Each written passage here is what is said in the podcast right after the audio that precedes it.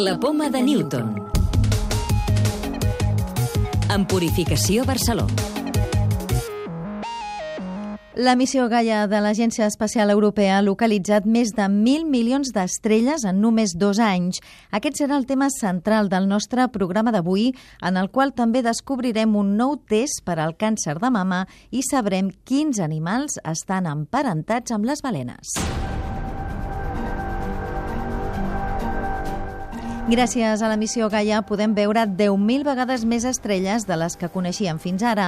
De fet, Gaia ha enviat el mapa més concret fins ara de la nostra galàxia, de la qual només coneixíem unes 100.000 estrelles. Josep Manel Carrasco, investigador de l'Institut de Ciències del Cosmos, organisme que té un paper molt actiu en la missió. Ja tenim el mapa més precís del cel ja no ens limitem només a l'entorn més proper al Sol, sinó que mirem estrelles fins i tot cap al centre de la galàxia. Tenim posicions en el cel per mil milions d'estrelles, però distàncies només per dos milions. Però tot i així, aquests dos milions són molt més que aquests eh, 100.000 que teníem fa 20 anys. És al·lucinant la capacitat de distingir estrelles amb Gaia. No? En aquest catàleg, de fet, la incertesa que tenim a la posició és tan petita que és equivalent a poder distingir un bebè que estigués a la superfície de la Lluna. L'objectiu al final de la missió és que en comptes d'un bebè li puguem veure l'ull d'aquest bebè. Des del començament de la missió fins ara doncs, hem estat processant les dades que rebíem eh, diàriament, 70 milions d'observacions cada dia, i això representa que hem rebut més dades que en tota la història de la humanitat juntes de l'univers. És un event molt important i que nosaltres hem estat certament involucrats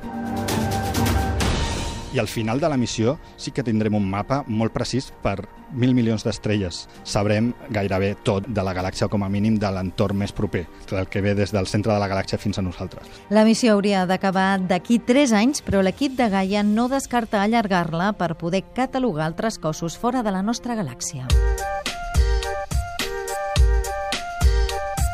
També us expliquem que l'Hospital Clínic és el primer del món a aplicar un nou test que pot evitar que un nombre important de dones s'hagin de sotmetre a quimioteràpia per un càncer de mama. Està pensat per a càncers de mama hormonosensibles i per a dones amb un risc mitjà de recaure que representen un 30% de les afectades per aquest tipus de tumors. Aleix Prat, cap d'Oncologia de Mèdica del Clínic, és el director de l'estudi. Aquest test ajudaria a prendre una decisió molt més afinada, molt més personalitzada, perquè està clar que si tens un risc intermig i et beneficies de la quimio, val la pena, però si tens un risc intermig i no et beneficies de la quimio, per què passar per sis mesos de tractament sabent les toxicitats a curt llarg plaç que, que suposa? El primer nanosatèl·lit català ja ha començat a enviar els primers senyals amb èxit. Es tracta d'un satèl·lit de la mida d'un foli dissenyat per investigadors de l'UPC i que té com a missió provar diverses tecnologies des de l'espai.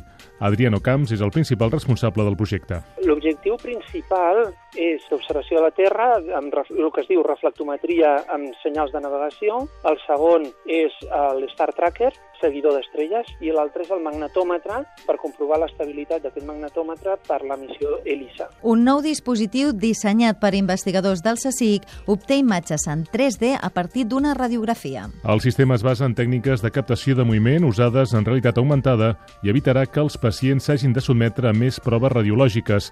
L'objectiu és aplicar aquest sistema als dispositius ja existents als hospitals. La clau de volta. Amb quines altres espècies estan emparentades les balenes? Àlex Pérez, de l'àrea de Ciència i Medi Ambient de l'obra social La Caixa. Doncs balenes i dofins, igual que altres cetacis, estan relacionats amb els artiodàctils, com les vaques, com els camells o els hipopòtams.